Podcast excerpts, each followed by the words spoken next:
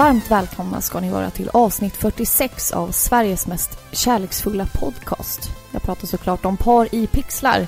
Och jag som pratar nu är Filippa. Och med mig har jag som vanligt Robin. Hej Filippa! Hej Robin! Hej! hej. Hur, eh, hur är läget? Det är bra nu Mm. efter omständigheterna. Ja, ehm, det har varit mycket nu de här dagarna. Ja, det har varit en eh, turbulent början på helgen kan man lugnt säga. Ja, vi, eh, vi fick ju åka ambulans igår eh, till... Det här är ju en tv-spelspodcast så nu kommer vi lite off track, men, men redan på en gång här. Men vi fick åka på, till, akut till sjukhuset igår med våran tvååriga son då, som Ja, fick, har fått astma. Ja. Och, det är mina dåliga gener. Ja, det är dina dåliga gener. I, mina, I min släkt har vi aldrig haft något sånt där. Så att, Nej, eh, så men- det, det är lite nytt för dig men eh, ja, det gick bra. Alltså jag har, blivit, summarum. jag har blivit expert på eh, astma nu på 24 timmar. Jag har typ Ja. gått en sån här crash course i eh, alla olika typer av mediciner, eh, vad man ska tänka på Mm. och eh, allt sånt där. Så att vi är ju lite tagna fortfarande men det känns som Ja. att vi har väl landat. Du, du är nog mer traumatiserad än vad både jag och Dante är tillsammans. Mm. Jag har ju vuxit upp, jag kommer från en riktig astmafamilj så Mm. jag är van vid det här men, men det är inte du och då förstår jag att det, är väldigt, det kan vara väldigt läskigt liksom. Mm, nej, men det, var, det är lite obehagligt. Mm. Liksom när, när ens barn inte kan andas. Då Ja, blir man ju rädd oavsett vad det är. Men nu är det bra och vi har Ja. fått jättefina eh, ord från eh, folk på Instagram och Facebook och sånt där. Ja, Det- det- många, många av er lyssnare hörde av sig och det är Ja, vi precis. väldigt, väldigt tacksamma för. Ja, verkligen. Det är Mm. jättesnällt av er. Mm. Men vi ska inte diskutera vår sons eh, astma Nej, mer. det ska vi absolut inte göra. Eh, vi, ska, vi ska ju faktiskt eh, försöka oss på ett lite spännande koncept här längre fram. Ja, vi ska ju försöka ge oss på den här omöjliga uppgiften att lista eh, de fem bästa spelen till Nintendo. Precis. Det, 8-bitaren. Så vi, att, vi eh, har ju lite olika koncept här i Paripixlar. Vi har Mm. ju... Eh, vi kör musikspecialer till exempel.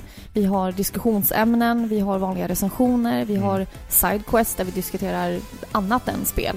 mm. Eh, och nu har vi även en ny grej för oss Mm. som eh, kommer heta eh, Det bästa på, helt enkelt. Mm. Och sen då valfri konsol. Exakt. Det är därför, ja, det bästa på NES helt enkelt. Mm. Mm.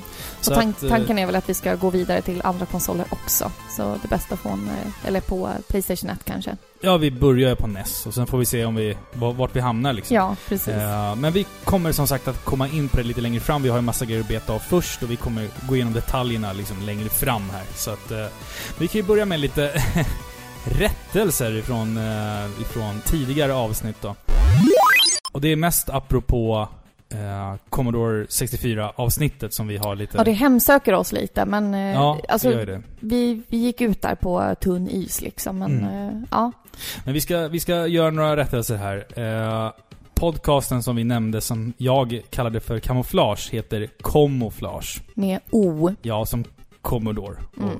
kamouflage tillsammans då. Camouflage. Så att, nu har, vi, nu har vi rättat oss där. Nu kan, nu kan vi sova gott på natten. Ja, exakt. Eh, sen har vi även fått en kommentar ifrån Magnus Larsson. Eh, han tycker att vi yrar lite angående Power Glove.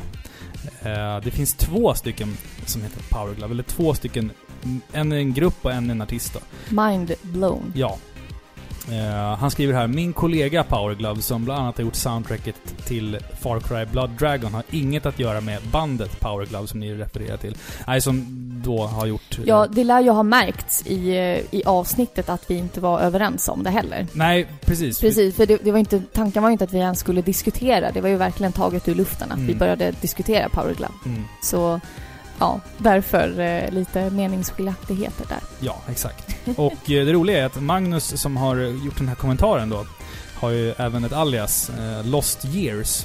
Och jag vet inte om det ringer några klockor för, för dig här. Jo, det gör det ju, men du kan ju förklara för lyssnarna. Ja, han har gjort soundtracket till bland annat då Kung Fury. Så, Precis. och det, det var lite coolt när jag, när jag insåg att det var den här personen som hade rätt oss. Att, eh, Ja, verkligen. eh, för Kung Då, Fury... då får han rätta oss hur mycket han vill. Ja, exakt. Och Kung Fury har, ju, har, har vi ju sett eh, mer än en Ja. gång och det är en eh, enastående film som jag tycker att alla som har lite kärlek till 80-talet ska titta på. Absolut, det, det tycker jag verkligen. Det är en enastående upplevelse, verkligen. Så att eh, Magnus, som sagt, du får rätta oss så mycket du vill. Det, Ja, det, men tack för rättelsen, absolut.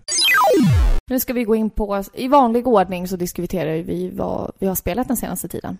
Ja, och för er som inte har lyssnat på oss tidigare så pratar vi både om gamla och nya spel. Det, det kan ju vara vad vi bara har, som, som du säger då, spelat den senaste tiden. Precis, om man vill eh, tipsa lyssnare eller ja, lite sånt där. Mm. Jag har ju faktiskt spelat ut, och även du också, men vi spelade eh, varsin runda då.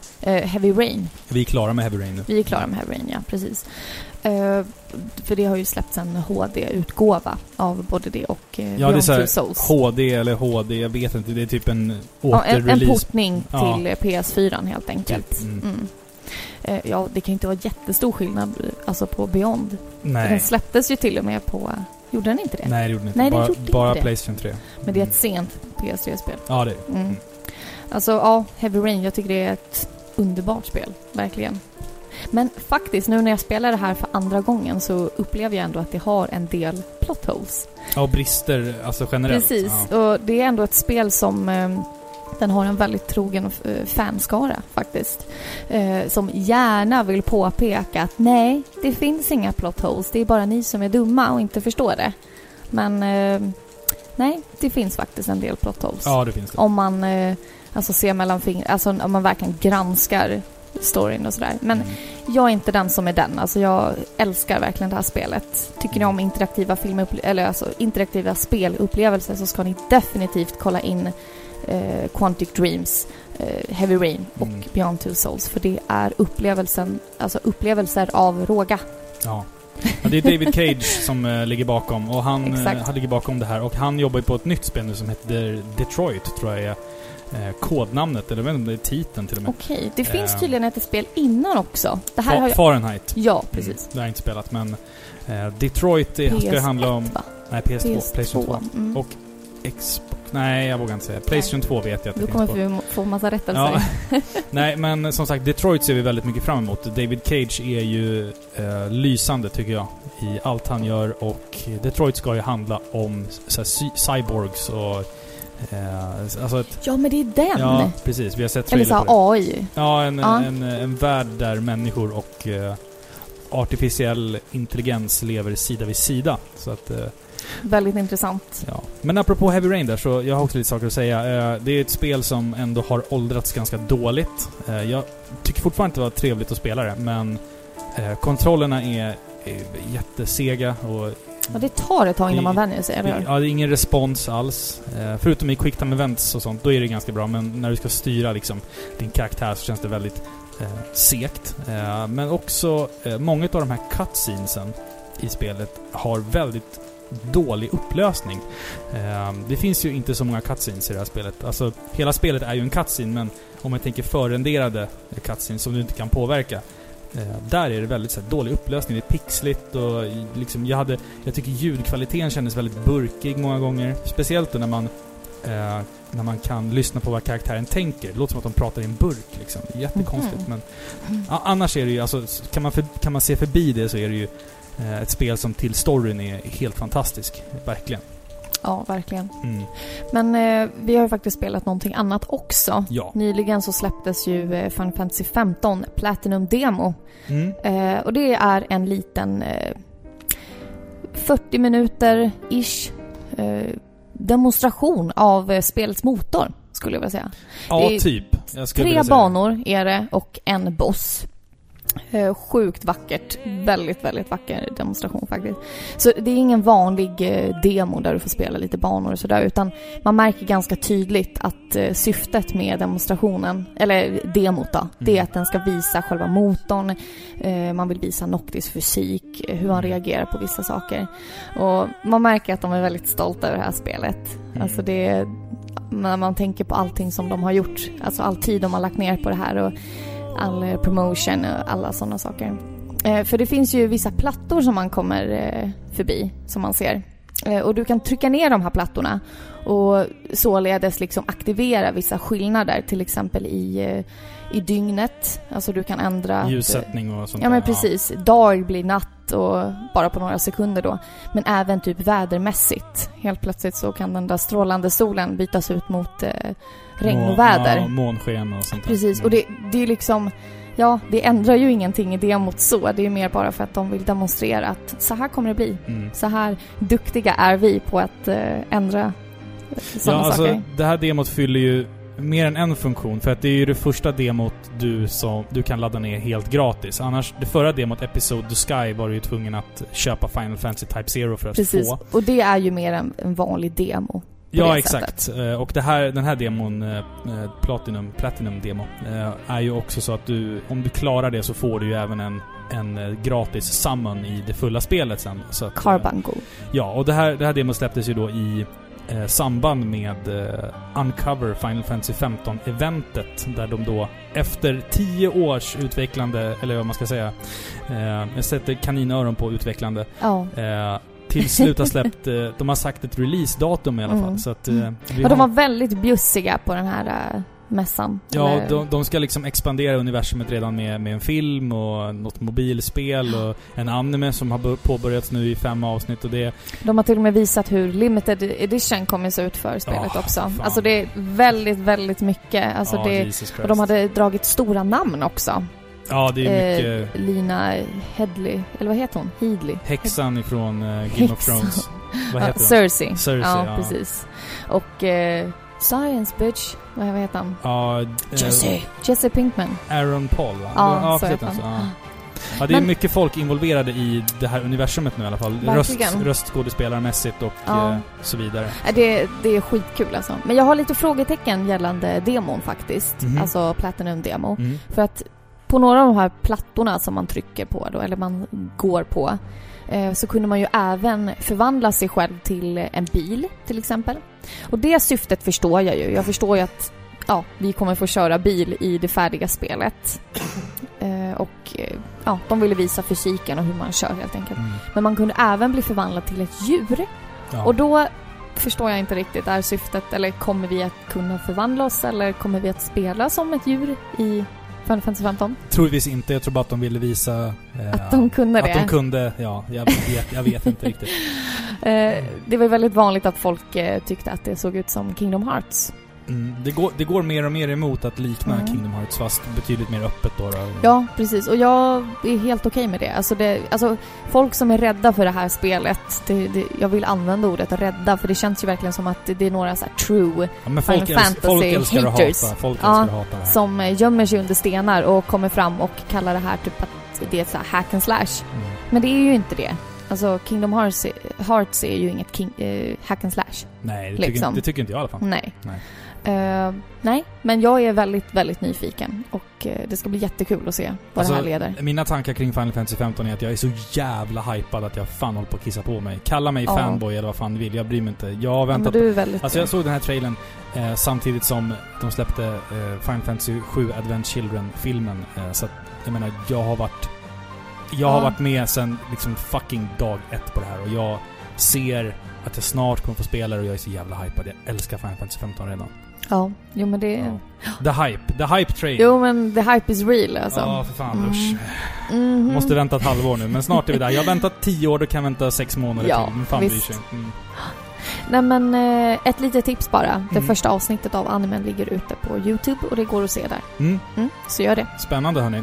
Mm. Eh, men det är ju inte Final Fantasy vi ska prata om och det är inte Heavy Rain vi ska prata om. Nej. Eh, utan vi ska ju faktiskt lista de fem bästa spelen till NES. Tänk dig det.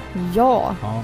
Men hörru, vi, vi kör en låt nu. ja. Vi kör ett Jag skönt... dricker lite öl under tiden. Ja, precis. Och vi Mm. kör en, ett skönt NES-medley här. På, på något vis. Eh, och sen så, så kommer vi tillbaka snart och då går vi igenom hur vi, hur vi har lagt upp det här och då listan såklart. Ja. Njut av musiken. Ja.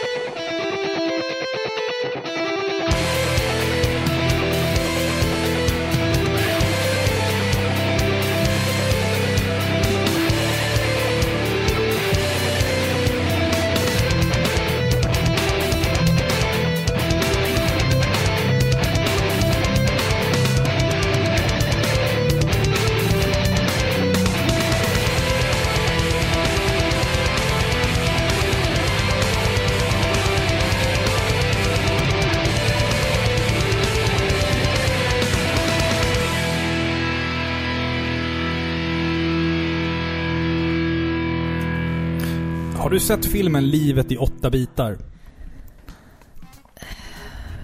Ja... Frågetecken? Det är en svensk Kanske. film. Som handlar Jaha, om, en. Alltså om, en, om en kille som är besatt av tv-spel.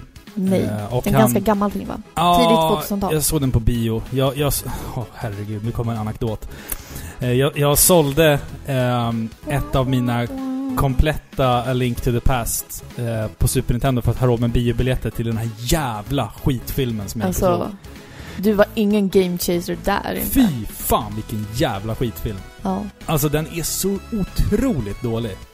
Jag ska starta en kampanj med att man ska hitta alla de här filmerna och förstöra dem. Fy, det där lär ju hemsöka dig på nätterna. Ja, den är fruktansvärd. Att du skulle... Att du aldrig skulle ha gjort det där. Mm. Nej men det har ingenting med det här att göra. Bara, Nej, jag bara tänkte kasta ut frågan. Alltså, vi ska prata om åtta bitan Ja. eh, här nu. Så att, eh, Nytt koncept hörni, Ja. lyssnare. Vi hade inte klarat det här utan er. nej, För vi inte. har ju, ni som har varit aktiva på Instagram och diverse plattformar har ju sett att vi ställde ju faktiskt er frågan vilket ert favoritspel på Nintendo 8-bitar var. Och eh, vi har gjort det dels på Instagram, vi har gjort det på Facebook, vi ställde den även på ett populärt forum på Facebook. Ja, eh, Loppis Vilda Västern-gruppen. Ja, eh, som, vi, precis. som jag för övrigt verkligen kan eh, rekommendera om du har rent mjöl i din påse eller äkta, eller äkta guldpengar i din plånbok. Ja, Precis. Ehm, är du ingen scammer så du, tycker jag verkligen du ska besöka ehm, den Loppisgruppen på Facebook.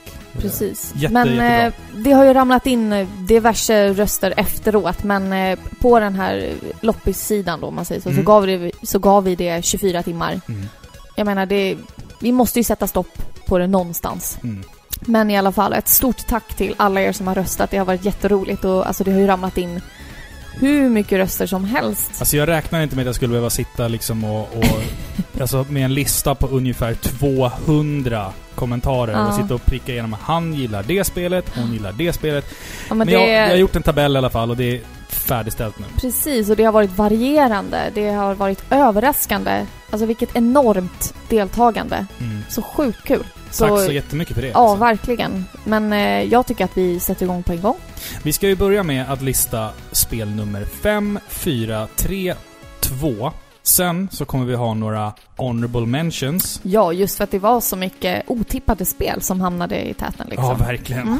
Och sen så kommer vi presentera den stora ettan. Mm. Sen kommer vi att läsa upp några av era lyssnares eh, kommentarer. Vilka ni tyckte var bra. Och vi kunde inte ta med alla kommentarer för som sagt vi fick liksom 200 någonting. Eh, så att vi har, vi har, vi har tagit de, de väsentliga liksom. Eh, och de Mm. som vi tyckte var lite fina. Mm. Men hör du. Let's do this. Let's do this. Vill du säga, eh, vill du säga eh, det här som man säger i Melodifestivalen? Mina damer och herrar, vi har ett resultat. Ja. Mina damer och herrar. Vi har ett resultat.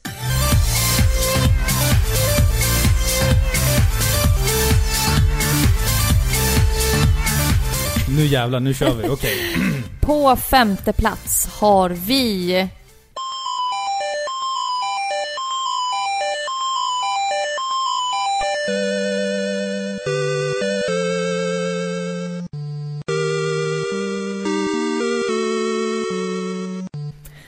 Zelda 2.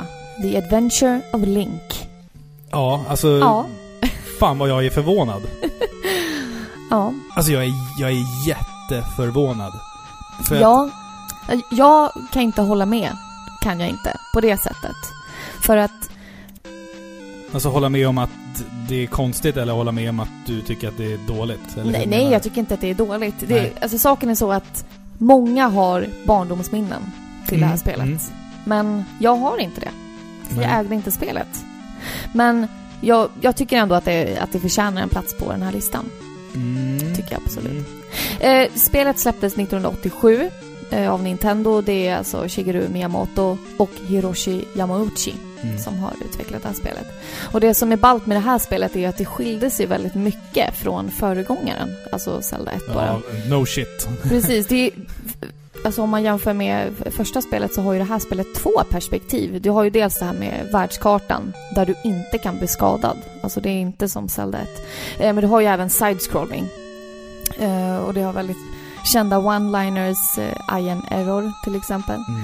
Så det här är ett väldigt känt spel, men eh, jag förstår ändå att folk ser det här som en vattendelare. För vi har en väldigt trogen fanskara som älskar det här spelet. Men så har vi en del som tycker att det skiljer sig för mycket från serien och att det därför inte är bra. Men ja, olikheter kanske gör ett spel bra ändå. Vet vet du varför han heter I am error? Varför han säger det? Åh, jag har glömt bort det där, men jag vet, vi har kollat det, på Det- ett antal dokumentärer. Ja, det finns ju en annan karaktär som säger I am bug i japanska versionen. Men jag tror att det blev något fel med översättningen där. Att det liksom framgick inte... Ja, det framgick liksom inte i den eh, amerikanska och europeiska versionen. Ehm, som sagt, jag, jag är otroligt förvånad för att det här är ett spel eh, som jag själv under min uppväxt bara tyckte var svårt och tråkigt. Och jag minns att de flesta jag kände också tyckte det, men det känns också som att under de senaste åren, att vindarna typ har vänt. För jag tror lite att det kan vara som så att, Har de viskat ditt namn också? nej, jag, jag tror att... Eh, jag tror att det kan vara så, så enkelt som att det är ett spel som behövde ganska många år på sig innan folk liksom kunde se spelet för vad det var och liksom Om Förs- kunde uppskatta det Ja, men liksom. typ förstå det. Alltså spelar man det idag, då känns det som att det ligger liksom lite före sin tid. Men jag, jag minns bara att när jag spelade när jag var liten så vart jag bara förbannad på det för det var så Mm. jäkla tråkigt. Men vissa spel behöver ju den tiden. När det kom så tänkte folk säkert bara att "Ja, men shit, det här är inte som första spelet. Nej, nej. Och att bara såg den här olikheten som eh, något negativt. det, jag tror att det var så för min del, för jag var ju van vid Ja. The Legend of Zelda liksom. Precis. Att, eh, Men som helhet så kanske det är ett bra spel liksom. Tydligen eftersom folk har röstat på det och mm. det har hamnat på en femte lista över världens bästa NES-spel. Ja, precis. Apparently. Ja, apparently. Och eh, alltså... Det, det är mycket saker som introduceras i det här spelet som, som också eh, finns kvar än idag. Och sen mycket saker som är helt bortplockade. Som till exempel det här med experience points och grinding och level up och sådär. Det är borta idag. Men det finns ändå andra element som man ändå så här, typ har behållit eh, serien ut. Så att det här har ju ändå hjälpt till att bana väg för vad Zelda är idag för många personer. Jo, jo men jag, jag håller med faktiskt. Mm. Så- Men å andra sidan så var ju inte Link to the Past Alltså det var ju mer likt det första spelet. Jo men de, det känns ändå som att det hade kanske inte varit likadant om de inte hade alltså, släppt eh, eller utvecklat det här. Mm. Alltså, Nej, de- det är de- intressant. Det är verkligen en vattendelare. ja, och de ska ha cred för att de vågade försöka någonting annat. Absolut. Liksom. Verkligen. Det, för så, sånt behöver vi se mer av idag. Att, att spelutvecklare vågar ta lite större chanser. Ja, absolut. Annars blir det bara så generiska västerländska shoot Vi hatar USA. Det är typ så folk... Eh... Nej, verkligen folk inte. vill tro om verkligen oss. inte. Ja, men eh, jag är redo att gå vidare. Vi ska läsa en eh, kommentar. En av våra Ja, lyssnare det. eh, på Instagram, Jimask. Jag vet inte hur det uttalas. J-I-M-A-S-K. Eh, Zelda 2 får det bli. Eh, spelet har bra atmosfär, variation, musik och älskar den utforskande delen i dess värld med alla grottor, städer och slott. Var fem år när jag först kom i kontakt med spelet. Mina äldre kusiner spelade alltid det. Ja, de äldre kusinerna kanske liksom förstod lite mer. Jag, Ja, jag men vet precis. Inte. Sen är det här med nostalgi väldigt viktigt, tror jag.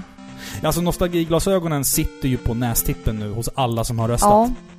Ja, det är väldigt eh, vågat att påstå det. Att de då Mm. i sånt fall skulle vara partiska. Men ja, det kanske gör det hos vissa. Eller så ja, tycker de Ja, opartiskt att det är världens bästa spel. Ja. Och det är helt okej. Det tycker jag. Mm. Ja. Ja men som sagt då, eh, på femte plats eh, The Legend of Zelda 2, Adventure of Link. Mm. Ska vi ta oss vidare? Ja, jag tycker det. Mm. Den här är jag nyfiken på. Ja. Mm. På plats nummer fyra hittar vi...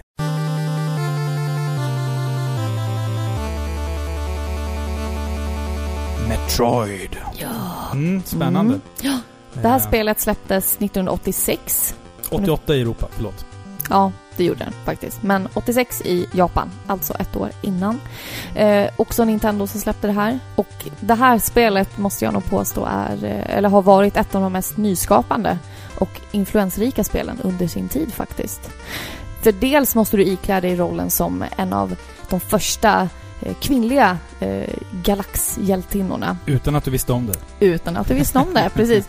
Men även liksom själva spelupplägget som... Eh, ja, men det bygger på en, liksom en enhetlig karta. Du har alla de här hissarna och du har alla de här banorna eh, och dörrarna och så här. Och det har ju faktiskt fått namnet eh. Metroidvania som än idag lever vidare. Och det är alltså ett namn som är sammanslaget då med Castlevania Symphony of the Night. Så det här har ju verkligen influerat spel alltså väldigt, väldigt mycket Mm. och är väldigt uppskattat. Absolut. Ja, för, för mig är det här spelet känt som spelet som Tjockis-Marcus hade. Ska du göra så här hemska... Nej, eh, när jag var liten så satt vi, jag, min bror och en kille som heter Marcus och så ritade vi eh, kartor och eh, lite så här coola bilder på hur rymdkillen, och han var så jävla cool. Ehm, men man blev ju som sagt väldigt chockad av att Samus var en, en, kvinna. Det är så ballt! Jag ja, älskar det. det, det är fantastiskt. Det är så sjukt coolt. Och det här märker man också tiden innan internet eller Google fanns. Ja. Där man faktiskt var tvungen att liksom hämta papper och penna och sitta och rita upp varenda liten sketen gång Mm. för att hitta. Där ser man ju engagemang. Där ser man ju liksom riktigt hardcore gamers Mm. som ritar upp hela den här, eh, ja, på, vad heter den, CBS. Ja, Planet Sebes. ja. Så, ja men jag tycker det är asballt och det förtjänar definitivt en plats på eh, den här listan. Det, det som jag tänker på när jag hör det här spelet också, det är ju de här varma eh, sommarkvällarna framför TVn och hur jag och brorsan bråkade om eh, att han hade ritat fel på kartan. Eh, och eh, sen då Marcus som var ägare till det här spelet, vi fick liksom eh, kämpa för att hålla honom kvar. För att han, det var ju han som ägde spelet, men han ville ut i skogen och leka, leka Spiderman. Så, så um, Ja. men, men det, han, han, Marcus, ja. Han hade så här. Han hade fräknar och, och så här, Säg inget dumt och nu här- så vi får Nej, så ångra nej, och men Jag ska, inte, jag ska inte säga något dumt om honom. Upp våra ord. men hans, när jag var liten, hans tänder påminde mig om popcornkärnor. Men fy vad hemskt Robin. Ja men han hade så här, jag vet inte vad det var, om han hade... Han kanske Eh. hade hål i, hän- i händerna. Ja, han hade väldigt dålig munhygien, så han, hans tänder såg ut som, som små liksom popcornkärnor. Alltså såhär Say no gula, more. gula och Vi små. kommer äta upp det här. Nu kommer vi få, vi få troll. Han kommer hitta oss. Nej, jag tror inte Marcus lyssnar på oss idag som tur är. Men, men eh, alltså om jag ska prata generellt om spelet så var det liksom... Yes please. Det var, det var, det var småläskigt, Mm. minns jag. Och det var svårt. Och jag hade sällan den här koncentrationen att eh, liksom sitta ner och, och verkligen koncentrera mig på att ta ett rum i taget och liksom hitta nästa, nästa eh, boss och sådär. Utan jag var mer inne när Super Metroid släpptes på Super Nintendo. Då var jag liksom mer att jag kunde förstå konceptet kring det. Nu var det bara så här, "Ja, jag går bara runt i cirklar. Ja, Eh, jag förstår. jag var, jag, var, jag var kanske lite för ung för, för Metroid när jag var liten i alla fall.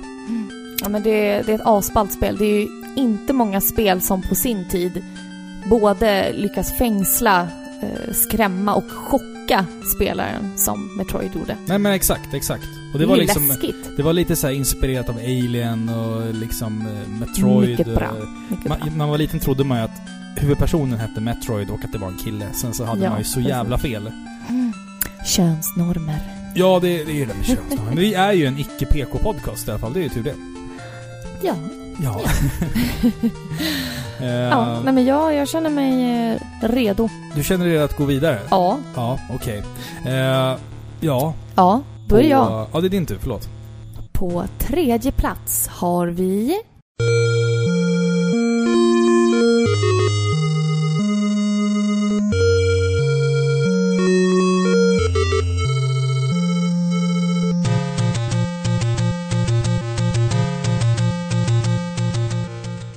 Legend of Zelda. Mm. Ja, alltså vad kan man säga? Det är Zelda, hallå? Ja, det är, typ, det är typ det som våra kommentarer har sagt också, liksom att det, Zel- Zelda är det bästa spelet. Ja. Du behöver inte säga något mer än det. Det, det vet väl alla? Ja, ja men precis. Inte nog med att jag har världens mest ikoniska och igenkännbara musik. Det är även ett spel som nästan alla, alltså gamer or not, känner till. Ja, absolut. Absolut. Dock finns det ju en förväxling där folk tror att eh, Zelda är Link. Men tror fortfarande på det. Ja, Alltså, det är... uppenbarligen. Ja. Ja, jag minns bara att min pappa skulle köpa Zelda åt mig på Playstation. Kommer jag ihåg. För några år... Nej, nej, ja. För några år sedan. Ja, för några år sedan. Nu tänkte jag efter, det var kanske i och för sig 15-16 år sedan. Men ja, i alla fall. Jag vet inte, han, jag vet inte vad han höll på med. Det Nej. var innan jul. Han bara Åh, ni ska få eh, Zelda på Playstation eller? Va? Vad snackar du om? Vadå? Ja men Zelda finns inte på Playstation. Då var det så här som att han hade planerat att köpa det, Ja. för vi hade ju ett Playstation då, så att han hade väl planerat att köpa det och så Och insåg där gick han hans att... idéer i kras. Ja, då fick han liksom planera om julhandlingen. Jag vet fan vad han Ja. Jag älskar min far, men, eh, han var inte så bra på att köpa spel. Han är ingen gamer. Nej, Nej, han var ingen gamer. Eh, Legend of Zelda, vad ska man säga det? Det släpptes 1986. Nintendo, även här. Markerar början på Links äventyr. Inte Mm. kronologiskt, vi ska inte ha en rättelse på det. Nej. Inte kronologiskt, Inte men det är det första nej. spelet. Ja. Ja. Eh, spelet är icke-linjärt, vilket var ganska häftigt på sin tid faktiskt. Och det kombinerar allt ifrån utforskande i grottor och hålor hit och dit, problemlösning som har kommit att bli väldigt eh, eget för just Zelda-serien. Mm. Och just det här tanken på att du ska identifiera dig med eh, protagonisten som inte yttrar ett enda ord. And still doesn't. And still doesn't. Mm. Precis. Tanken var ju att du ska liksom kunna identifiera dig med honom. Eh, så det var väldigt annorlunda jämfört med dåtidens RPGs. Alltså där eh, huvudkaraktärerna... Mycket, ja, dialoger och. Precis, Ja. de hade starka karaktärsdrag, personligheter och handlingen var i fokus. Här var det lite mer, inte lika mycket fokus på just handlingen utan själva utforskandet och att du skulle kunna sätta dig ner och gå ut på ett äventyr Mm. helt enkelt. Men jag, jag tänker, undrar hur bra det skulle gå för en själv om man skulle försöka rädda världen utan att säga ett ord? Ja, alltså det, är ju- det hade ju gått bedrövligt alltså. Då hade man varit duktig. Om, om man idag kan stoppa a, kris, alltså all världens kriser utan att säga ett ord. Men ska tank... Alltså jag tror ju inte att tanken är att Link är typ stum. Nej, jag tror att det jag ska tror vara... mer att det kanske, han kanske visst pratar, Ja. men vi får inte höra det för att eh, det är inte det som är det viktiga. Alltså de gångerna han får frågor så är ju svaren självklara och det, då är det ju ungefär som att vi i vårt huvud ska säga, eller ska skrika liksom Ja, jag ska göra det. Ja. Och då säger Link det, fast det liksom dyker inte upp. Måste utan... vi låta sådär efterblivna också? Ja, jag vet inte. Alltså, Zelda är ju... eh, Det, det är ju väldigt speciellt på just det sättet, att han Mm. inte säger någonting. Och jag tror att vi har pratat om det här förut någon gång, när vi diskuterade Zelda och sådär. Att, att jag kanske... Alltså jag har full... Alltså all förståelse och respekt för Zelda-serien. Mm. Men jag... Jag inser inte nyttan med att ha en stum protagonist. Inte för mig personligen. Nej, nej, nej, alltså, jag, jag har full respekt för att det alltså, i vissa ögon är världens bästa spel. Mm. Verkligen. Jag vill inte stampa på några tår. Och på sin tid så var det ett makalöst spel. Verkligen. Mm. Men jag kan liksom mer ta till mig av en karaktär som redan har en personlighet som jag Mm. får liksom dyka ner i och lära känna som en människa Mm. istället för en kanske enligt mig platt karaktär. Mm. Förstår du? Alltså, jag, nej, ja, men jag, nu jag, bränner förstår, de mig. jag, nej, men jag förstår vad du menar. Alltså, det, jag kan hålla med dig där. Eh, sen tycker inte jag dock att Zelda har så pass liksom, avancerad ehm, handlingsutveckling så att det liksom behövs. Nej. Det, det man vet att man ska besegra ondskan när man träffar på lite folk på vägen och besegrar några bossar och sådär. Han behöver inte prata. Nej. Liksom. Eh, jag vill nästan minnas någonstans att vi har sett en dokumentär, eh, ish, någonting, Mm, mm. där eh, alltså, utvecklarna diskuterade just det här att de ville inte ha en djup handling Nej, med precis. eh, alltså 100 timmars gameplay, Mm, mm. Final Fantasy typ. Utan de ville ha ett simpelt spel. Mm. Nu tror jag inte att Final Fantasy 1 hade släppts då. Jag tror att Legend of Zelda släpptes innan, Ja, det gjorde det. tror jag. Mm. 86. Mm. Final Fantasy kom 87. Ja, precis. Eh, men de ville liksom ha ett simpelt spel där eh, liksom fokus låg inte på handlingen utan det var mer att det skulle vara roligt, lätt att lära sig och du skulle bara känna att du kunde gå vart du ville istället för en liksom linjär eh, handling. Mm. Och, ja. Det, det, Och det lyckas de ju med. Absolut, och det finns ju en historia kring det där, eh, kring Nintendo. Eh, tidiga, när de skulle släppa liksom Nintendo. Då hade de ju som en idéinsamling på Nintendo där, där de hade idéer. Och sen så kunde man lägga de idéerna i antingen eh, äventyrsspelet eller vad de kallade för typ actionspelet. Actionspelet var ju Mario och äventyrsspelet blev Zelda. Och sen kunde man kasta sin idé. Ja, den här idén funkar inte i äventyrsspelet. Funkar det kanske i actionspelet? Precis, Ja, det, det var typ så, nå, någonting sånt. Ga, Gazi Maluk får uh, rätta oss här. Eh, jag minns Zelda som det där spelet där man inte visste vart man skulle gå. Eh, och jag var personligen, tror jag, lite för liten även för detta när jag spelade det. Jag såg på när mina kompisar la ner liksom otroligt mycket eh, tid eh, på det här spelet. Eh, jag själv kommer liksom inte in i det riktigt förrän A Link to the Past. Precis som, som Metroid. Att jag, kom, jag hakade på många av de här spelserierna under Super Nintendo-eran. Eh, men alla minns ju första gången vi fick liksom kliva in i Hyrule eh, Eh, och, och, och skärmen liksom öppnar upp sig sådär vackert eh, och du ser den här liksom sandmarken eller vad jag ska föreställa och de här buskarna och melodin som kommer in så här pampigt och verkligen klädde in världen samtidigt som den liksom samtidigt dränkte den lite i äventyr och mystik på något sätt. För, för själva, själva den här äh, alltså main theme på The Legend of Zelda eh, känns ju... För mig så tänker jag bara på mystik och jag tänker på liksom väggar som måste sprängas upp och, och bossar som jag inte har en aning om hur fan jag ska döda och fiender så, som, som jag undrar vad fan de är för någonting. Och det finns så mycket mystik i det första Zelda-spelet som jag fortfarande liksom kan begeistras av när jag spelar än idag. Vad vackert. Ja, det var ett fint utlägg, ja. ja men jag, alltså jag håller Zelda så otroligt varmt om hjärtat. Det är verkligen ett spel som jag eh, lovprisar. Hela den serien har ju betytt otroligt mycket för mig under min uppväxt. Och det har verkligen varit en optimal verklighetsflykt många delar av mitt liv. Men det var inte ditt nummer ett-val. Nej, jag har ju inte lagt min röst på The Legend of Zelda, men eh, Mm. skulle kunna varit det. Men Mm. på, på den här listan så blev Zelda nummer tre, eller hur? Ja, det stämmer. Mm. Ska Bra vi gå vidare? spel. Ja, det är fantastiskt. Guldkassett och allt. Ja, Så jävla coolt när man var liten och bara men den här kassetten Det är som i att de guld. bara- vi vet att det är ett bra spel. Så därför tillverkar vi det i guldkassetter. Ja. Mm, mm, mm. Sen insåg man att det bara var så här billig guldspray liksom. Ja, men trodde du att det var guld? Nej, men jag minns också att omslaget, Nej. omslaget hade ju liksom ett, ett hål i sig.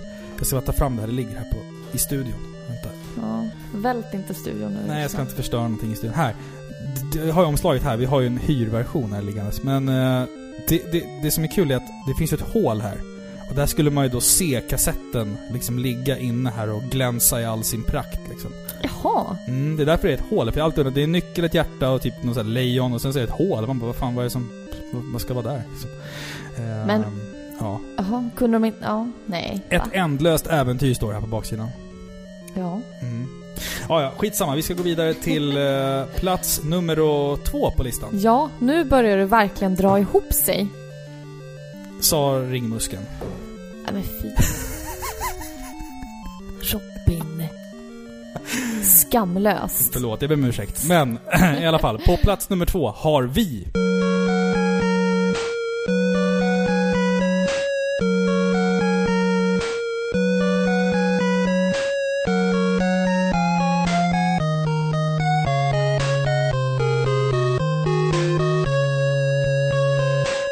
tror att de flesta känner igen den här melodin. Eh, man står där på, på taket eh, och väntar och sen så bara...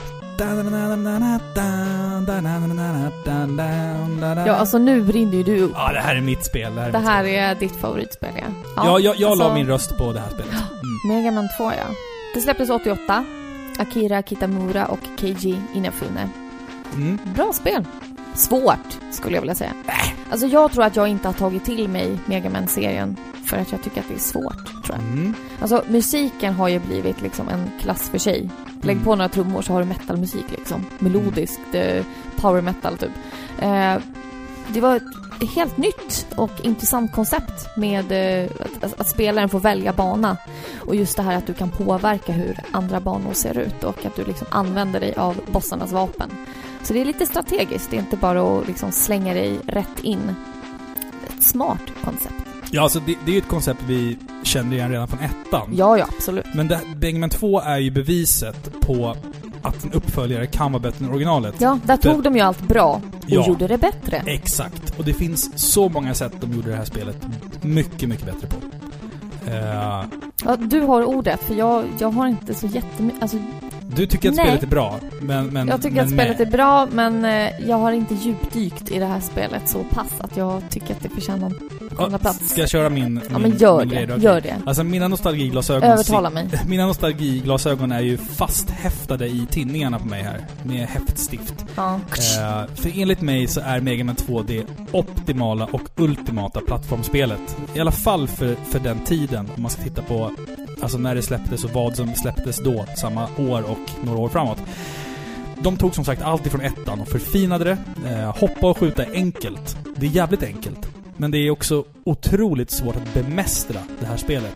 Och du måste dö för att lära dig av dina misstag. Och det är, det är en otroligt stor... Bra sagt. Ja, och det, precis. Men det är ju så det är liksom. Att ibland så är det vissa saker du kan inte veta att den där grejen, fienden kommer där och du kommer ramla ner i hålet. Men nästa gång du kommer dit, då vet du. Du måste liksom learn by doing hela tiden i det här Ja, spelet. det är, jag skulle vilja säga att det är en eh, perfekt balans mellan att vara för svårt, men Mm. att även vara väldigt belönande. Ja, För exakt. när du väl, alltså det blir nästan, när man ser folk som kör speedruns på Mega Man, Mm. det är nästan beroendeframkallande. Man ser, de kan varenda liten centimeter av Mm. skärmen.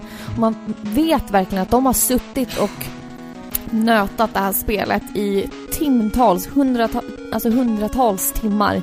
Mm. Eh, för det här spelet är väldigt på det sättet att det är svårt, men det är så beroendeframkallande. Så som du sa, det är enkelt att eh, spela det, men det är svårt att bemästra. Ja. Så det kräver din fulla koncentration, din Ja, fulla fokus. Och, och ditt minne. Alltså det krävs att du har muskelminne och kommer ihåg vart du dog och varför liksom. Så det är ett väldigt smart spel. Ja, och förutom det så är det ju också alltså, otroligt stor variation på banorna. Alla banor ser ju extremt olika ut. Eh, och sen har man ju också tagit bort sex box, eller man har ju...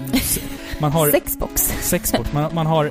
Eh, istället för sex bossar så har man ju åtta bossar eh, i det här spelet. Och Mm. vi har ett password-system. Vi har en fantastiskt jävla soundtrack till det här Ja. spelet. Det är fan det bästa soundtracket i hela jävla serien. Det är ett av de bästa till NES. Ja, och det är... Alltså sjukt bra. Vem, vem fan minns inte draken på Dr. Wily Stage, eh, Stage 1 där?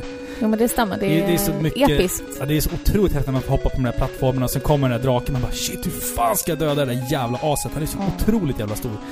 Men Eh, det här spelet är ju, alltså alla Mega Man-spel är ju eh, Alltså vi, vi har inte den här fantasy-betoningen på spelen där vi är en riddare som ska rädda en... eh, Utan, alltså rädda en prinsessa från en drake etc. etc. Mm. Utan det här är ett häftigt spel. Det var någonting helt nytt Det är något liksom- helt nytt. Det här är robotar och du känner dig som en cool kille som eh, har värsta skjutvapnet på Mm. handen. Alltså Ja, jag menar, det är asballt. Och musiken är liksom metal. Ja, det är verkligen ett metal soundtrack fast i 8-bit. Alltså Robin, Mm. jag tror jag är frälst. Du har övertalat mig. Ja, ta ta det. Ja, vad kul.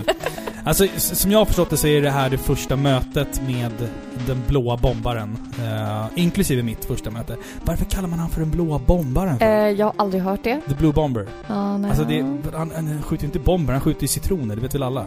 Ja, det är klart. Ja, det ser man ju på de här små, det är små Ja, citroner. det är citroner. Ja. Mm, mm. Ja, det är faktiskt li- lite kul eh, bakgrundshistoria till det här spelet. Att det här är ju ett spel som liksom gjordes eh, på spelutvecklarnas fritid, mer eller mindre.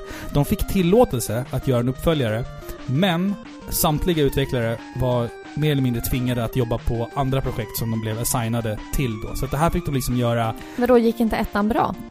Nej, det var liksom in- ingen självklar Nej. eh, grej att göra en uppföljare. Nej, utan Capcom-ledningen sa väl att det var okej att göra en, en eh, uppföljare. Men som sagt då, ni får göra den på fritiden och ni vill stanna kvar efter jobbet och pilla på det här.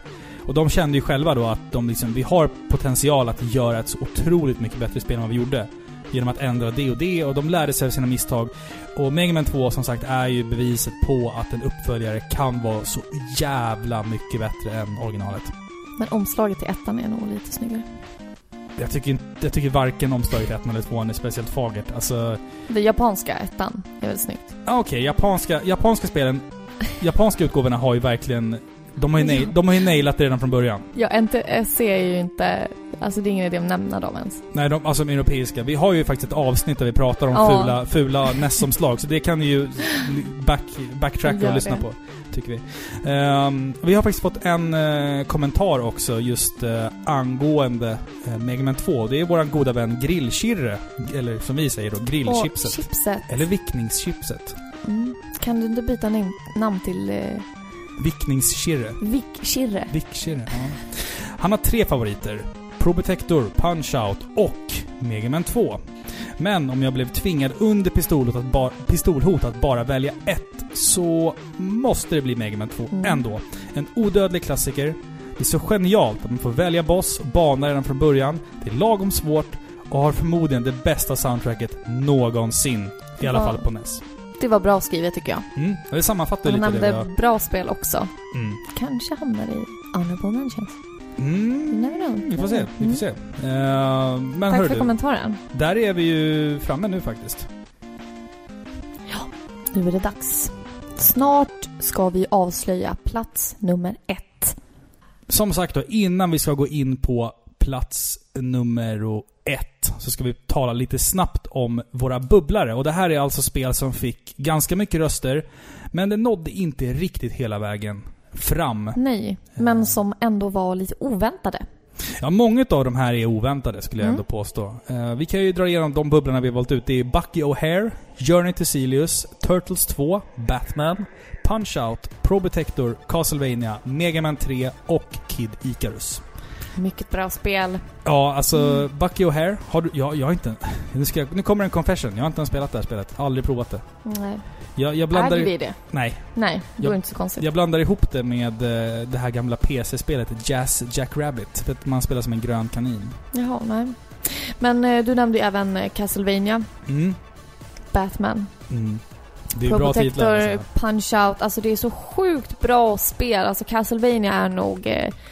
Ja, det var inte mitt favoritspel men jag stod och vägde på det och Batman faktiskt. Mm. Batman, alltså det, där har vi ju Sunsoft som har gjort det otroligt snygga soundtracket. Ja. Det är Så, mycket eh, Sunsoft alltså, på listan här. Det är ju både Journey to Sirius också väl? Journey to Celius och Batman då. Mm. Eh, Men Probotector är ju också väldigt, väldigt roligt. Har ni inte spelat det så ska ni göra det. Jag, Absolut. alltså jag tycker personligen att eh, Probotector är för svårt för mig. Jag, alltså, jag spelade jättemycket när jag var barn, men jag blev aldrig bra på det. Jag förstår inte, jag blev Nej, men man aldrig behöver bra. inte vara det. Alltså det, det är roligt ändå. Alltså det, spelet ger dig ändå en chans liksom. Fast ja, jag vet inte. Me, alltså typ Mega Man 2 och Mega Man 3 blev jag ju liksom bra på. Men kontra, jag nötte det, eller Probotector, jag nötte det som fan, men jag blev aldrig bra på det. Jag fattade inte. Super, Det är jättesvårt. Det Super det. Probotector blev jag mästare på, det är jag än idag. Men det första, nej, jag grejade fan aldrig det alltså riktigt. Eh, Turtles 2, självklart bättre än det första Turtles-spelet skulle jag säga. Eh, där de eh, nailade lite mer vad Turtles ska vara i tv-spel, tycker jag i alla fall. Det är också ett bra exempel på uppföljare som kanske är bättre. Ja, Eller? ja, absolut, Mm. absolut. I Turtles 2 cementerade man ju eh, liksom det som sen blev typ Turtles in Time, alltså rent konceptuellt. Eh, eller heter det konceptuellt? Konceptmässigt. Ja, jag Ja. vet. Mm. Att det liksom, det var ingen overworld utan det var bara liksom Bana 1, gå, slåss. Bana 2, gå, slåss. Side-scrolling, Ja, ja, precis. beat em up. Och sen eh, Kid Icarus var ju också... Jag, skulle, jag ska avslöja att Kid Icarus kom faktiskt på, på den sjätte platsen här. Eh, för det fick väldigt mycket poäng och det är ett spel som eh, verkligen funkar bra än idag, tycker jag. Mm. Alltså det är ett mysigt spel och det är jävligt svårt. Är ni nyfikna på det så kan ni ju se tillbaka till nästtidens eh, näst senaste video där de eh, spelar Kid Icarus. Ja, på YouTube. Precis. Det tycker vi verkligen ni ska gå in och titta på. Eh, Men också ett spel som har, som har åldrats väldigt, väldigt bra, tycker jag, det är faktiskt Punch-Out. Alltså jag tycker fortfarande att det är otroligt roligt. Ja, faktiskt. Och väldigt svårt. Det, det är verkligen inte att bara trycka på alla knappar du kommer åt utan det kräver verkligen fokus och koncentration. För Det här är ju bara strategi och fokus liksom. Bara strategi, ja. Det märkte vi när vi spelade det för några veckor sedan tillsammans med våra polare. Ja, exakt. Vi satte ju dem framför Punch-Out och jag skulle säga att alla våra vänner, eh, ingen av dem har ju spelat Punch-Out tidigare. Men Någon av dem. man liksom, eh, vi satt ju bara och iakttog när de spelade. Och sen satt de så här, men slå han när kristallen blinkar, eller slå han när han, när han typ gör det där och det där. Ja, Man fattar liksom att, att de började knäcka nöten. Precis. här, Och att liksom, eh, alltså spel som är så pass gamla fortfarande kan tilltala en, alltså människor nu för tiden. Mm. Modern publik som är vana vid annat. Alltså annat, ja Mm. precis. Som inte ens är gamers. Mm. Som ändå liksom sitter och att de lyckas bli fängslade av ett sånt här gammalt spel. Ja, det var skitkul för att man såg liksom hur poletten trillade Ja. ner och det var... Och sen, sen när vi var klara med våran spelkväll här, då var det så här, kan vi inte spela Punch-Out igen? Men det var Ja, så här, men ja, ja visst, absolut, kan vi göra. Skitkul. Ja, men alltså med det sagt. Det finns ju faktiskt ett spel som inte har nämnts. Vi kan recappa lite då. På plats nummer fem så hittade vi The Legend of Zelda 2, Adventure of Link. På fjärde plats hittar vi Metroid. På tredje plats hittar vi The Legend of Zelda. På andra plats hittar vi Mega Man 2. Och nu är vi framme vid det som ni har röstat fram till det bästa spelet på NES.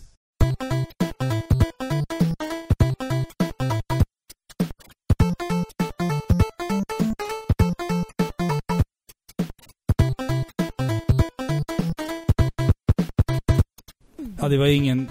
Ingen, tvekan om det. eh, Ingen surprise direkt. Nej. Super Mario 3. Super Mario Bros 3 skulle jag säga. Ja. Vem har inte spelat det här spelet? Jag tror alla, Som, Alla. alla som lyssnar på det här i alla fall har en relation till det spelet på ett eller annat sätt. Precis.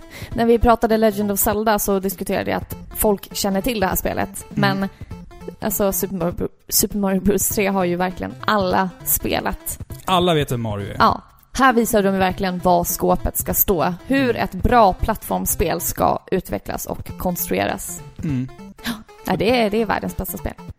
Eller på NES. På NES, ja precis. Eh, alltså det, det är ju spelet som eh, jag tyckte att där fick de liksom till det för Ja. första gången. Alltså Mario 1 är Mario 1.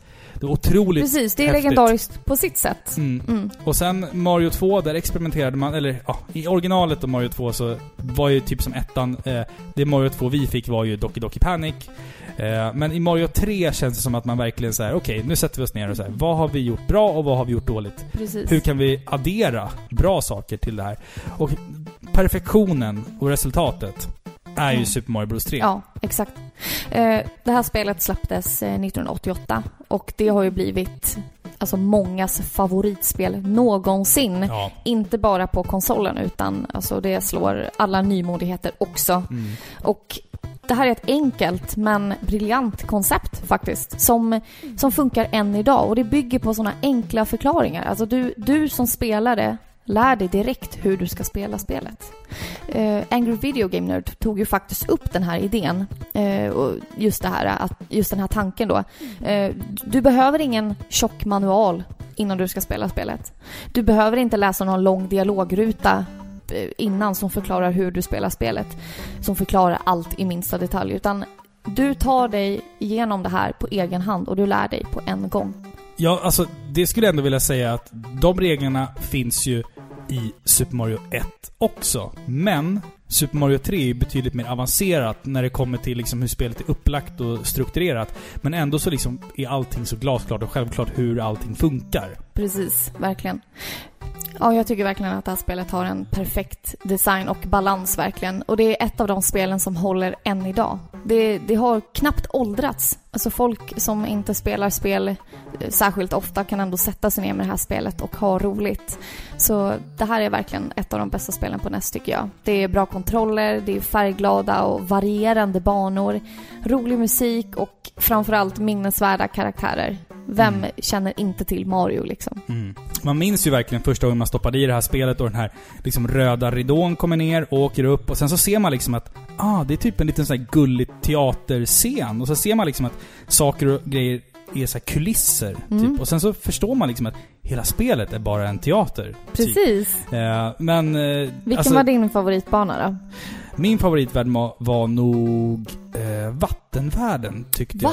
jag. Ja, det är ingen som gillar vattenvärlden Robin. men alltså, så här, jag tyckte den såg varm, mysig och härlig ut när jag var liten. Alltså just själva overworld Eh, ja precis, det var liksom skön musik och det var broar som öppnades och stängdes. Det var lite mysigt liksom. Så det Nej. kändes som att man var på semester lite grann. Ja, och man höll på att bli uppäten av den där stora.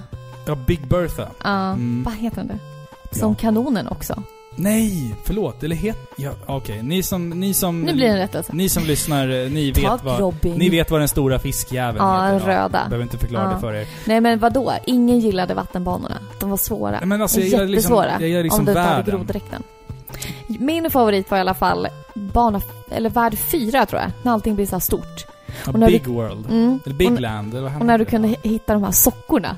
Ja, de just gröna det. Ja, ja, sockorna ja. och hoppa Mm. runt på de här äh, köttätande växterna. Mm. Alltså det är så bra, det är ett sånt bra spel. Alltså det varierar så mycket och det, det är rätt svårt också. Mm. Eh, alltså om du verkligen ska gå all Ja, fram, in. framåt slutet ser det ju brutalt. Ja, det är alltså, jättesvårt. Tycker jag. Men det, det har allt. Du har alla olika miljöer och Mm. du lär dig liksom spelet på ett sånt enkelt sätt från början liksom. Mm. Du har olika upgrades, du har olika liksom eh, dräkter som du sätter på dig så att du kan hantera olika situationer. Ja, Eh, power-upsen var ju liksom... Det var Alltså, ju, det är ju episkt. Den, stora nyheten för det här att du kunde liksom ha en p-vinge för att flyga genom hela banan. Du kunde ha en groddräkt för att simma bättre. Mm. En, en jävla Eskimo-dräkt för att kasta hammare i huvudet på dina fiender. Det är ganska brutalt att kasta Mm. hammarjävlar i huvudet Eller hur? Verkligen. Eh, Nej, men det är så coolt för att det är ju liksom inte bara banor och sen en boss. nej. Banor och sen en boss. Det är lite varierat. Du har de här svamphusen där du får köra liksom... Vad heter det här när det kommer? Ja, roulette typ. Ja, Nej, ja, men... ja, typ. vi alltså du ska få en, en, en enhetlig bild. Ja, det är Ja, tre hjul precis. som snurrar. Ja. Ja, precis. Eller eh, memory. Mm. Eh, du ska välja en av tre kistor. Det, det händer så mycket i spelet. Ja, det är mer än att bara springa från punkt A till punkt B. Ja, liksom. precis. Men det, det som jag tycker var, var häftigt med det här spelet första gången jag spelade, det var, det var just att man hade den här overworld-mappen. Att du liksom kunde välja Mappen. själv Ja men overworld-kartan Kartan. då, där du kunde välja själv eh, typ mer eller mindre vilken ordning du ville göra banorna eller om du ville gå och plocka ett jävla svamphus eller om du ville liksom... Ja men nu försöker jag bana fyra igen då. Eh, du kunde välja själv lite grann hur du ville lägga, lägga upp det och det, det tyckte jag var jävligt coolt. För man, det var ju vissa banor man alltid, alltid undvek för att man hatade autoscro autoscrollingbanorna. Åh, och- shit. Ja, precis. Ja, fast jag gillar den på första kartan. Den som eh, Ja, jag scrollar hatar den. Jag hatar allt som är autoscrolling. Det är det Men värsta jag vet. älskar också att alla växter på overworld-kartan Mm. dansar i takt med musiken. Ja, just det.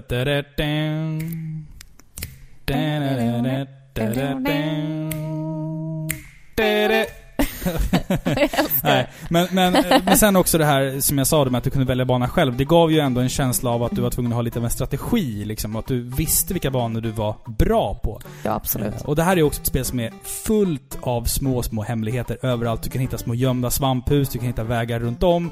Och det var liksom, när man var liten så var ju det här lika mycket utforskande som, som Zelda. Eftersom att man visste inte vad riktigt så här. Kan man göra det där verkligen? Och så Ja, men bara, precis. ja man kan, man kan gå bakom kulissen. Det var ju så här, det var ju helt jävla sjukt när man var Ja, liten alltså det såg det är på många sätt det första i sitt slag. Ja, Folk hade inte sett sånt här innan. nej. Det var liksom, Helt plötsligt kunde du liksom nästan bryta spelet. du kunde Bara, bryta, den, du kunde bryta den fjärde Ja, väggen. helt plötsligt så gick du någon annanstans liksom. Ja, men det... Ja, men just det det, är när man bra. gick bakom banan första gången. Man bara, vad fan det här, Ja, this isn't Nu har real. jag förstört spelet typ. Ja, men det är det jag gillar. Det fanns liksom en mystik kring det här spelet också som inte fanns i ettan eller tvåan. Eh, och sen då som sagt ett fantastiskt soundtrack.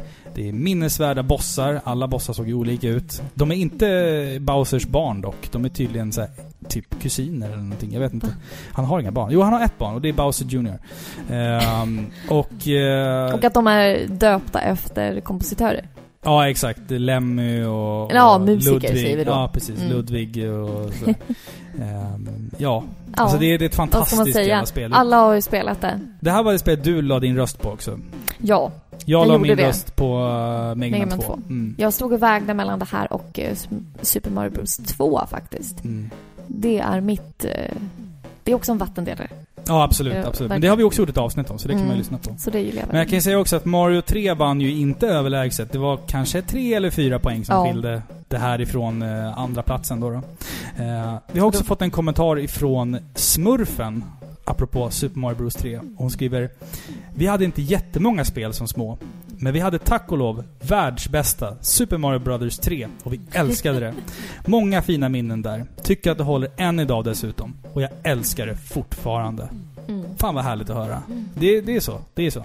Ja, Allting med det spelet har inte åldrats. Nej. Det har inte det. Så när vi utsätter världens bästa spel till Nintendo Ja, är Super Mario Brothers 3. Tja. Ja, det var Så färdigt är så. det. Ja. nu, så klapp. Nej, vi har ju faktiskt en massa härliga Det eh, har vi. lyssnarkommentarer också som vi ska läsa tillsammans här. Ehm, och de här är alltså bara kommentarer som sagt som vi har valt ut. Vi tyckte de var lite fina, lite roliga eller sådär. Det kan vara lite random spel som folk har röstat på. Jag kan inleda med att läsa ifrån Marco Imperatore. Han hade lagt sin röst på Mega Man 1. Jag minns fortfarande den dagen då jag fick spelet. Satt och spelade det i flera timmar. Sen på kvällen så skulle jag och familjen åka hem till några bekanta. Efter att vi hade varit hos dem en liten stund så sa jag till min mamma att jag mådde illa. Eh, så jag gick hem medan de andra var kvar. Jag mådde inte alls illa. Jag ville bara hem och spela Mega Man. Hur många gånger har man inte använt eh, alltså, den undanflykten att Alltså vad härligt. jag pallar inte åka dit idag. Men vi måste. Ja, men jag ska... En vit lögn. Jag mår lite dåligt. Jag ska, jag ska ligga i sängen och vila. Sen så, Games making kids lie. ja, alltså det här, det här är någonting man identifierar sig med. Mm. Det är något helvete mycket. Inte jag faktiskt. Nej, inte du kanske. Nej. Men jag, jag har ljugit för att vara hemma och spela tv-spel. Ja, och skolkat skola och, och jobb, ska jag säga. jag har skolkat från jobbet. För att, eh, men det är inte arbetsplatsen jag har nu, utan det är min tidigare arbetsplats. Så, så, Ja, att, ni, så att ni vet. Ja, du ska läsa nästa kommentar här. Då har vi kommentaren från Thomas Edman och han säger Kirby's Adventure. Jättefin grafik, sjukt bra musik, varierat gameplay med alla förmågor man har att välja på. Och så sparas spelet automatiskt så man slipper nöta allt i en sittning. Har tappat räkningen på hur många gånger jag klarat det nu. Och sen har vi även från El Kebabbo som säger Jag säger Kirby's Adventure. Färgglatt, underbar musik och riktigt bra kontroll. Sen är det rätt så långt och varierande banor. Många timmar med detta som liten. Mm. Jag spelade faktiskt aldrig det här när jag var liten. Nej, inte jag heller. Men det är kul att båda, både Thomas och Kebaben väljer just det här spelet. Och jag håller med, det är ett jättemysigt spel verkligen. Ja, jag älskar ju Kirby som karaktär. liksom. Ja, Han han är är gullig. mysig och Mm, sådär. Han är absolut. lite, lite skön. Eh, vi har fått ifrån Marcus Fredin som röstade på Super Mario Brothers 3. Charmig grafik, grym bandesign, varierade miljöer och, miljöer och fiender. Utmanande. Det var en Mhm. fantastisk uppföljare. Kändes extra allt om man jämför med de första spelen. Amen. Ja, det är precis vad jag har sagt liksom. Att det var som att de kryddade på det där ganska Ja, ordentligt. de tog allt bra och bara liksom, ja, gjorde det bättre. Mm. Sen har vi från Honky Tonk Gamer, alltså Jerry Olsson. Han säger Kid Icarus eftersom det inte bara är ett underbart äventyr utan det också lärde mig en del om grekisk mytologi. Det är en pärla som bjuder på en rättvis utmaning varje gång jag spelar det. Jag tycker väldigt mycket om musiken också, särskilt Overworld-musiken. Mm. Ja, det där är intressant att man även lär sig någonting. Mm. Det, det är inte såna här lärospel som Nej. vi pratar om utan det är ett bra sätt att kombinera liksom och kanske väcka ett intresse hos kidsen. Ja, absolut. Eh, sen så också en liten eh, upplysning. Om man vill lära sig mer om grekisk mytologi så kan man också spela God of War för att komplettera sina kunskaper. Ja, ja, jo okej. Det ger Det- inte en rättvis bild av grekisk mytologi. Jo då, det gör det. det gör. Nej, Jaha, kanske inte. Kanske nej, inte. ja. Ja. Spela God of War ändå, säger ja, det jag. tycker jag verkligen. Eh, Gustav Nyblom skriver, för att vara lite udda så säger jag Salomons Key. Kul pusselspel, dock aldrig klarat det själv, men jag återkommer till det ofta. Ja, det är helt okej. Man får ha ett favoritspel som man inte har klarat. Tycker Ja, jag. ja, alltså, är det ett spel man eh, finner sig själv framför Mm. och sittandes och spela, ja då måste det vara bra. Ja, ja, ja, alltså, ja, vi har det ju här i hyllan. eh, men jag har faktiskt aldrig spelat det, Nej. tror jag. Vad jag kan minnas. Nej, jag brukar inte söka mig till pusselspel men eh, då kanske man ska kolla in det Mm. faktiskt. Ja, tack vi för ändå har det. rekommendationen får vi säga. Ja, verkligen. Mm. Kaska, a.k.a. Mikael Kurti, säger Zelda 2 är mitt nya favoritspel till net. Mitt nya? Ja, jag menar det. Ja. Det är folk som har upptäckt det liksom på precis. senare tid. Mm, Ja, kul, intressant. kul. Eh, har alltid gillat det, men det var efter att jag och Kebabbo spelade spelet i Det måste spelas som jag verkligen insåg hur bra Zelda 2 egentligen är. Stort, svårt, otroligt kul stridssystem. Älskar det helt enkelt. Ja, vad roligt. Men här har vi som sagt ett, ett, ett bevis på Ja, att... man ser det med nya vuxna ögon. Ja, men exakt. Det Jag kanske krävdes att man var liksom vuxen för att liksom Mm. kunna älska det här spelet. ha lite erfarenhet lite. Ja, men lite Skinn så. på näsan. Det måste spelas måste ni också lyssna på. Ja, men gör det. Jag är ju med i senaste avsnittet där, där vi spelar... eh, Jag, jag Du bad, bara kom på det. jag, ba, jag eh, bad ju faktiskt eh, Kaska och El Kebabbo, som är de eminenta programledarna. Jag bad dem att spela Castlevania Vampires Kiss. Ja, hur gick det då? Vi pratade inte så mycket om Castlevania Vampires Kiss i podcasten. Vi pratade mest om annat, men det, Så bra gick det alltså. det blev ett väldigt trevligt avsnitt, så att det måste spelas, måste ni kolla in. Det är ju till skillnad, till skillnad från oss ett, en podcast utan tidsramar. Ja, exakt. alltså, exakt. Ni, ni satt ju i tre, fyra timmar typ. Ja, Och vi vi, brukar vara mer en timme typ. ja, vi försöker hålla en time frame ungefär, så att, ja. Mm. Eh, Fredrik Cederqvist skriver Ghost and Go... Nej. Förresten, jag ställer mig nog också i Zelda 2-ledet. Zelda 2 och Metroid är två spel jag spelar om ofta. Även om jag kan dem utan till och innan. Eh, så är det något speciellt eh, de har. Men eh, Zelda vinner nog matchen ändå. Mm. Där Mm. hade vi det igen. Ja, Zelda Det är 2. nog konstigt det är alltså. märkligt alltså. Mm, Ghost and Goblins också kanske var... Hur? Det är ett spel som jag bara tycker är sadistiskt. Ja, det är lite hatkärlek till det spelet. Ja, ja det är Mm. märkligt. Ja, ja. Eh, Då har vi en kommentar från A Damn Fine Cup of Coffee. Han skriver Gunsmoke är mitt absoluta favoritspel till NES. Härligt bra tempo, roliga bossar och något man lätt hoppar in i och kör en kort stund. Tätt följt av Faxanadu som är blandad hatkärlek till och North and South som är bäst när man vill bråka i soffan med motspelare. Megaman-serien ligger väl där uppe. Där är fyra favoriten. Mm, Man. My- Ja, mycket, mycket spel. bra spel här. Ja. Gunsmoke är ju ett sjukt bra spel och alltså jag älskar soundtracket.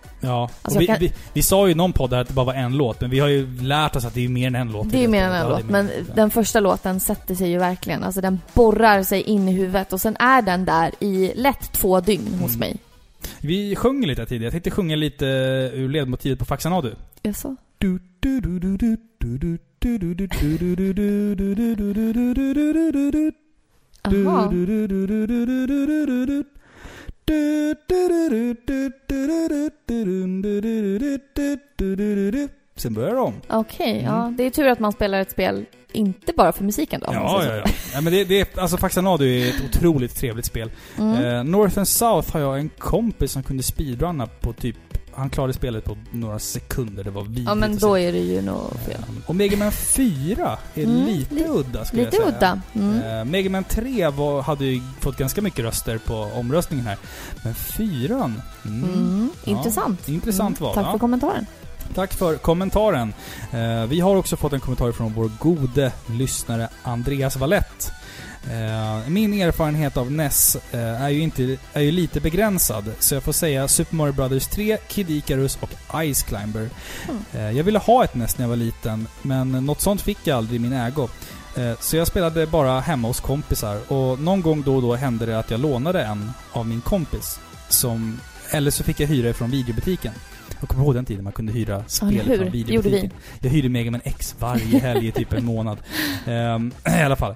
Ett minne jag har är eh, till exempel när kusinen kom på besök över helgen och eh, tog med sig sin konsol och kopplade in till TVn i mitt rum. Eh, när det var läggdags vid 10 skulle jag bara spela en bana till på Mario 3 innan jag skulle sova. Det gick så där. Helt plötsligt hade klockan blivit eh, tre på natten. Ja, We've all been there. Ett par gånger fortfarande.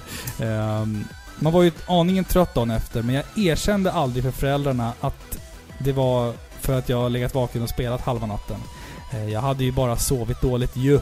Ja, det är klart. Men fan har inte gjort det där? Eller hur? Ja, usch. Det händer ja. fortfarande. Det händer fortfarande Ja. hemma hos eh, familjen här. Det, Ja. Yes. Vi har en kommentar från Björn Rosenthal som säger Jag väljer mellan Zelda 2, Mega Man 2 och Super Mario Bros 3. Men det måste bli Super Mario Bros 3. Det var som tecknad film när jag spelade min japanska piratkopia första gången. En kopia där man för övrigt startade med fullt av p-vingar bland tillbehören. Spelet börjar enkelt för att sedan bli riktigt svårt på slutet. Jaha du, det låter som en bra första omgång om man Mm. får p-vingar i första Men gre grejen är att jag tror att det är om det är på typ någon av de här första versionerna av Mario 3, eller första liksom eh, släppen, så var det väl så att om man klarade spelet så fick du starta upp från värld 1 med eh, ett oändligt antal p-vingar. Har jag för mig att det var liksom som en second quest fast... Så hans version var då någon som hade klarat spelet? Ja, eller någonting. Jag vet Eller inte. Nå nå- något sånt i alla fall. Mm. Att, jag har för mig att jag läste det någonstans. Jag kanske sitter och ljuger här. Mm. Så och, blir det, väl en... Vi får rätta oss om vi Ja. har fel igen, som vanligt. och det som han nämner där är att spelet börjar lätt men att det senare blir väldigt svårt. Det låter ju så här, ja men vadå, det blir väl alla spel. Men det är faktiskt en balans som man inte ska ta för givet. Det är inte Ja, alla ja. spel som hanterar det där. Nej. Vissa spel börjar assvårt och de, blir, de bara blir ännu mer helvetiska svåra. Och det, det är inte roligt. Alltså man, man måste ha en jämn balans på den här upptrappningen i Mm. svårighetsgrad. Och det har Super Mario Bros 3. Ja, det tycker jag. Tack för mig. Vi har fått en kommentar från Guelmin också. Det är ju stört omöjligt att välja ett spel. Som ni säkert märker på alla andras kommentarer också. Jag har många favoriter också, men två som sticker ut från de andras val är nog Ice Climber och Devil World. Eh, Det förstnämnda är ett spel som följde med konsolen i Sverige i början, innan det ersattes av Super Mario.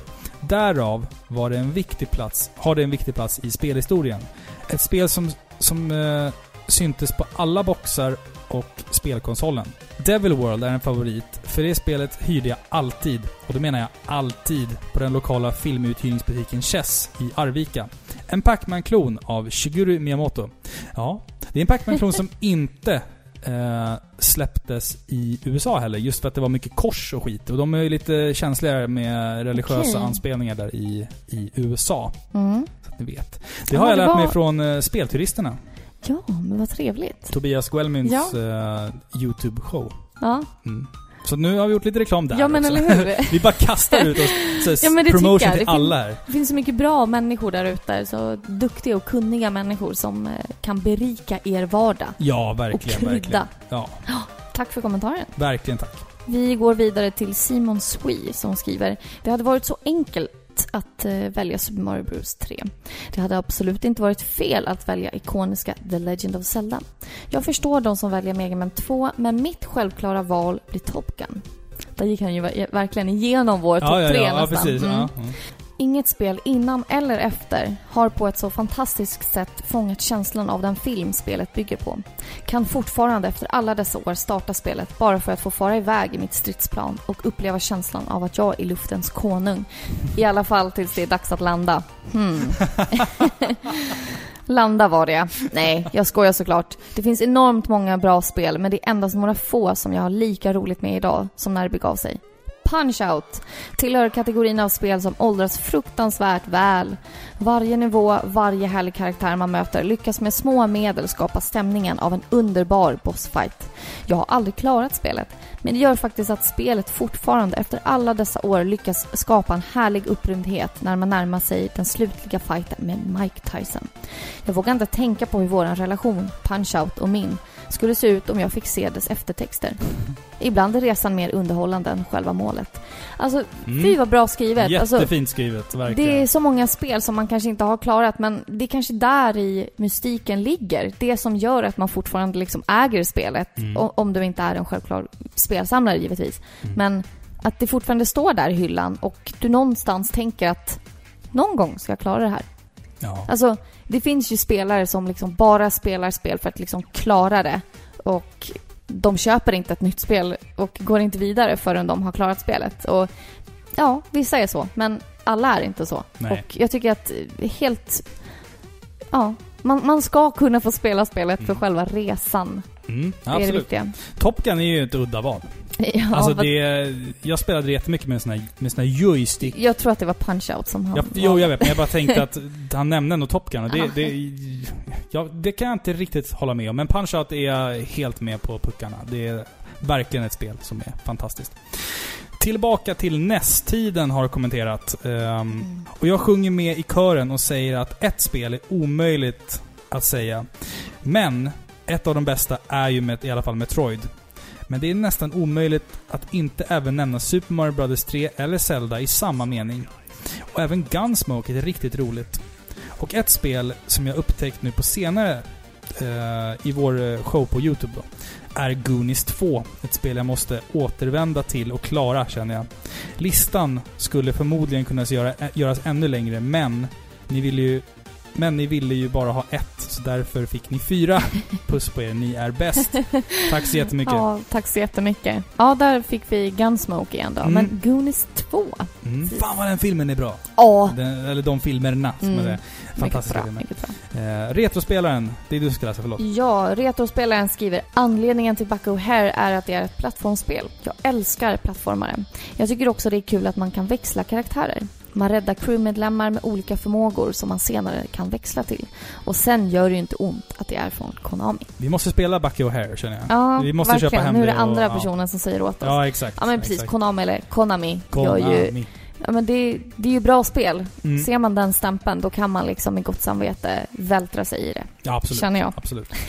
Våran gode internationella lyssnare Espent79 skriver Journey to Silius är mitt favorit. Bara musiken gör att det är ett av de bästa spelen till NES. Eh, jag har aldrig klarat spelet, men jag älskar det ändå. Ja. Ja. Nu översatte vi med fria händer. Från norska ja. Ja. Det, det, Musiken är så bra att... nej, det- inte norska Robin. Nej, okej, inte, förlåt, skäm inte ut det. Nej, okej, Mm. Tack så jättemycket. Ja. Det är ju flera som har nämnt det här spelet. Journey to Silius, ja. Det är Precis, fantastisk och musik. Som du säger, musiken är ju underbar. Ja, verkligen, verkligen. Verkligen. Ja. En sista kommentar då. Ja, från Jocke. Neondra. Ja, Mm. han säger favoriten är ju Mega Man 2. Hej, det är Mega Man liksom. Mm. Där är ni lika. Ja, Ja, såklart. jag och Jocke. Vi har mycket likheter faktiskt. Ja. Eh, vi ska alltså, sen har vi ju liksom 100 kommentarer till som vi fick. Men vi kunde inte läsa upp alla, men vi, Vi har läst alla och verkligen ha ett stort, stort tack för att ni har skrivit in och bidragit till den här långa listan. Det har varit ett nöje, ett sant nöje att få läsa alla era fina kommentarer och få lägga er röst på listan. Mm. Tack till eh, våran Facebookgrupp, alla som är medlemmar där. Och tack till alla som följer oss på Instagram. Och ett stort jävla tack till loppisgruppen Vilda Västern på Facebook. Eh, för att vi fick ta lite tid ifrån era affärer och fråga er en fråga istället. Ja, verkligen. Mm. Stort tack.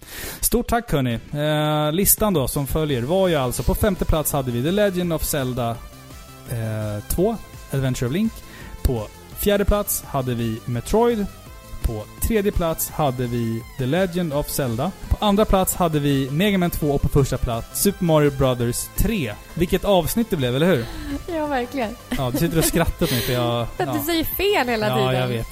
Det här, det här ni hörde nu har klippts om lite grann, för jag har sagt det. Alltså, Ja. när, när Robin läser era kommentarer, ta inte illa upp om man ändrar meningarna mitt i. Nej, jag är lite dålig på att läsa kommentarer. Men det är för att den här jävla skärmen jag läser från, den är ju vinklad fel. Jag ser ju Men jag, jag läser ju från Ja, samma men skärm. du är fan en lä läshuvud. Du är duktig Ja. på att läsa. Hör du, eh, innan, vi, innan vi går hem och lägger oss. Eh, vad ska vi göra nästa avsnitt? I nästa avsnitt så ska vi ha ett diskussionsämne. Då ska vi sitta och vara allvarliga. Mm, vi, ska, Mm. vi ska sitta här med konjakskupor, monokel och diskutera världspolitik. Precis. Så. Ja, precis. Mm. Nej. Nej, vi har ju faktiskt fått medverka i eh, Tillbaka till nästtiden. I ett kommande avsnitt. I ett kommande avsnitt. Det stämmer. Och de fick även vara gäster i vår podcast. Så vi ska diskutera spel på YouTube. Mm. Mm. Och allt vad det innebär. Ja, exakt. Och det är allt ifrån liksom, vi ska prata lite speedrun, vi ska prata lite folk som eh, bara... Folk som streamar spel på nätet. Vi har Mm. folk som recenserar spel, typ Angry Precis. Video Game Nerd. Men generellt det här med att spel har flyttat plats från att vara en simpel underhållningsform till att faktiskt beröra människor. Miljontals människor viralt på sociala medier och det har liksom blivit en, en stor del i samhället. Mm. Det tycker jag och Robin är intressant och det vill vi prata om. Men också infallsvinkeln att det har liksom blivit en grej att vara en backseat gamer för någon annan som spelar ett spel på YouTube. Liksom, det, finns, det finns mycket att prata om här, så att vi, vi, vi låter er lyssnare fylla i nu. Vad, vad tycker ni vi ska prata om här? Har ni någon favoritkanal på YouTube till exempel? Ja. Vad tycker ni om att spel kan tittas på? Eh, vad tycker ni om walkthroughs? Vad tycker ni om alla eh, recensenter? Kan, är det ett ord? Ja, jag Ja men folk som recenserar spel. Vi har Pewdiepie, vi har en John ja, Tron. precis, precis. Vad tycker ni om Pewdiepie? Ja. Det, det En viktig fråga. Ja, det är Vad tycker ni fråga. om det här? Vi vill ni ha alla olika infallsvinklar, allt skitsnack, allt bra kritik. Kom med allt. Mm. Vi älskar er och vi älskar att ni skriver till oss. Så fortsätt med det. Mm. Vi Och ni- finns på Facebook, Instagram, eh, Acast eh, och snälla, snälla, snälla ge oss ett betyg på iTunes. Det vore jättesnällt. Eh, annars finns vi som vanligt på videospelsklubben.se. Ja, Ja. det stämmer. Det var allt va? Det var allt, jag tror det. Ja, jag, jag är helt färdig. Ja. Jag håller på sitter och hostar. Jag måste... Ta måste en öl. Lite öl. Ja, Ja, jag mm. tror också. Hörni, ha en jättefortsatt trevlig kväll eller vad det nu är för tid på dygnet när ni lyssnar på oss. Men Mm. ha det så gott så hörs vi nästa gång. Ja, ni har lyssnat Ja. på Sveriges mest kärleksfulla tv-spelspodcast Par i pixlar. Hej! Hej, puss!